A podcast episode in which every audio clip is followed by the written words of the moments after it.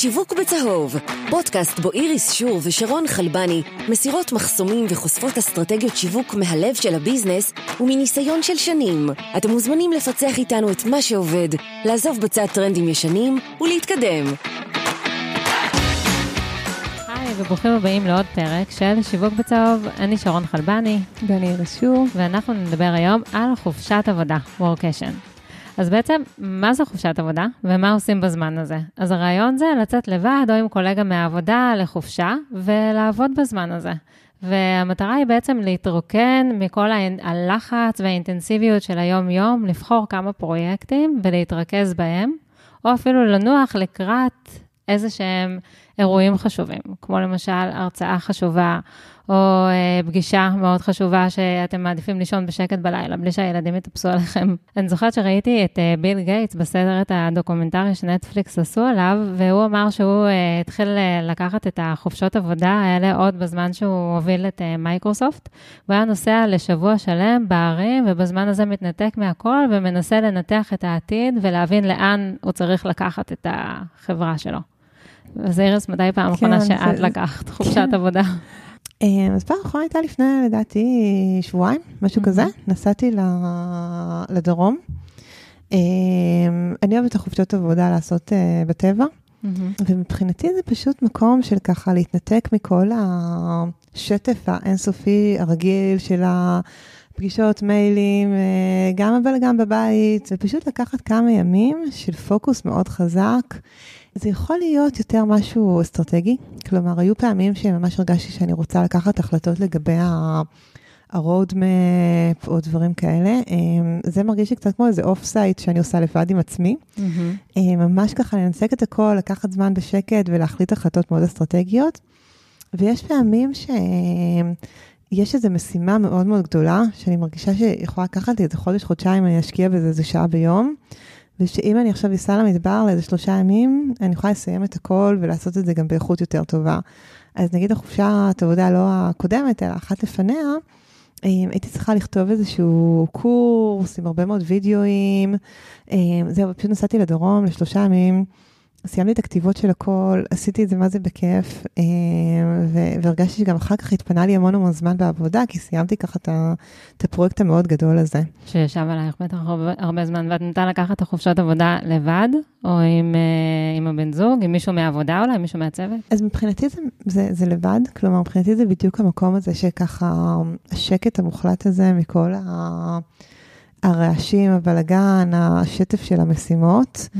לפני תקופת הקורונה ולפני תקופת הילדים הקטנים, אז גם הייתי נוסעת לחו"ל, אני זוכרת כמה פעמים נסעתי לבלי, שזה מקום עם טבע מדהים, וזו גם הייתה חופשה כללית, אבל גם המקום הזה של לשבת באמצע שדה אורז, ולחשוב באמת לאן החברה הולכת, מה הדברים שאני הכי רוצה לתקן, מה הדברים שאני רוצה לעבוד עליהם בחודשים הקרובים, זה, זה מבחינתי משהו מדהים. זה ממש מעניין לשמוע את הזווית שלך כיזמת אה, לחופשת עבודה. אני אספר על הזווית שלי. אה, נועם, הבן זוג שלי, הוא יזם, והוא שנים נוטה לקחת את החופשות עבודה האלה, והוא אמר לי תמיד, תיסעי גם, וזה נראה לי תמיד מאוד מאוד מוזר לנסוע לבד.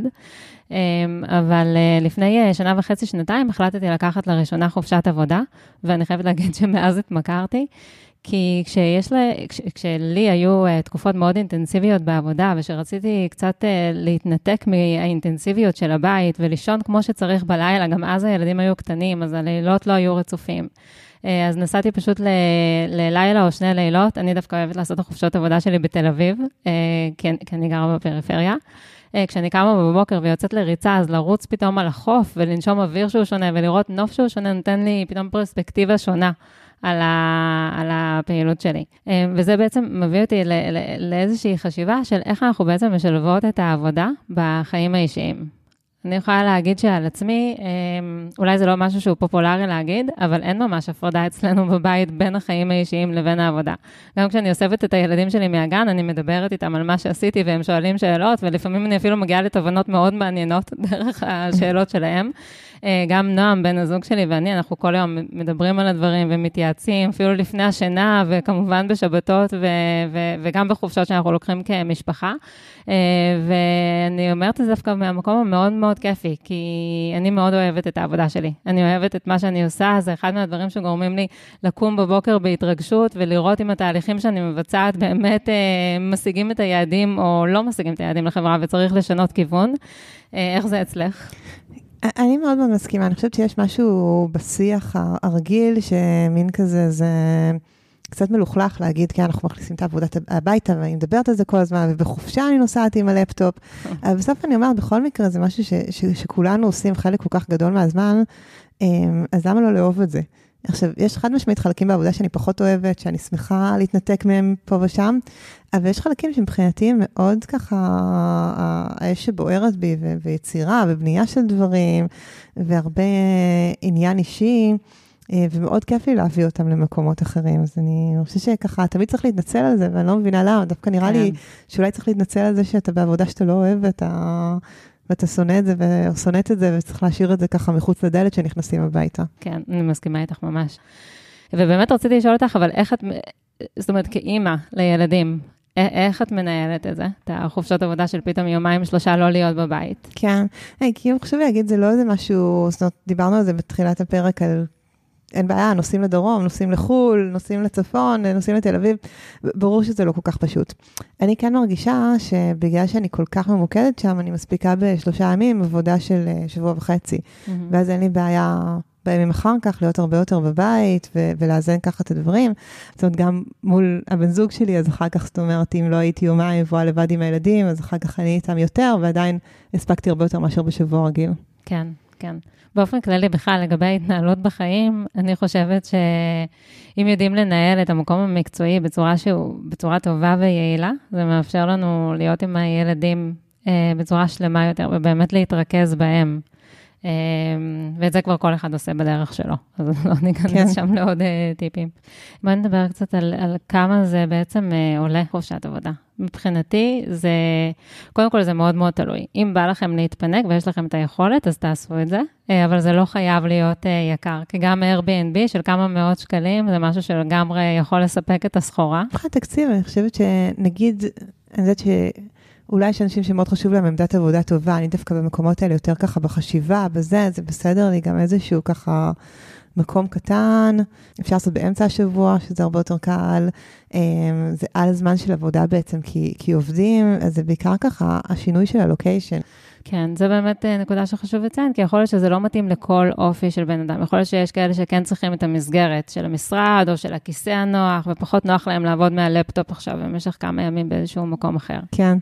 אה, טוב, אז אנחנו סיימנו, אה, אבל כמובן שאנחנו גם נשמח לשמוע אם מישהו מהמאזינים שלנו נוהג לנסוע לחופשות עבודה, וגם איפה. אפילו תשלחו לנו דוגמאות לצימרים, כמובן שכרגע זה יהיה בארץ ולא בחו"ל. אמ, אז תיכנסו לאתר של הפודקאסט, תהיה לו marketing.xyz, אה, ואתם יכולים להגיב לנו שם. כן, אני ממש אשמח ל- לרעיונות למקומות שאפשר uh, לנסוע אליהם. אפשר לדעתי גם בחו"ל, מתישהו זה, מתישהו זה ייגמר והעבודה עדיין תמשיך. מקווה. Uh, זהו, פשוט לשמוע את ההצעות שלכם. ולסיום, אמ, רוב הלקוחות של אוריבי נמצאים בארצות הברית, אבל אנחנו מאוד אוהבים אתכם פה, ורצינו לעשות משהו לקהילה של המשווקים של סטארט-אפים וחברות בישראל. יש לנו באוריבי את ה-conversion expert, זה בעצם מי שעובדים עם הלקוחות שלנו, עוזרים להם לעשות אופטימיזציות של האתר, ואנחנו מציעים לכל מי שמקשיב לפודקאסט הזה. אה, ויש לו traffic של מעל 5,000 מבקרים באתר, כי זה מבחינתנו ככה tipping point של איפה אפשר לעשות אופטימיזציה, בעצם לקבוע שיחה של 45 דקות בחינם עם ה-conversion expert שלנו, שיעזרו לכם להבין מה לא עובד באתר שלכם. יאללה, אז אנחנו מחכות לשמוע מכם. ביי, ליטה. ביי. אהבתם את הפרק? כדי לקבל את הפרק הבא ישר לנייד, הרשמו לתוכנית באפליקציית הפודקאסטים שלכם. ואם אתם כבר שם, אז דרגו וכתבו ביקורת על התוכנית, כדי שנוכל להשתפר ולייצר עבורכם תוכן משובח.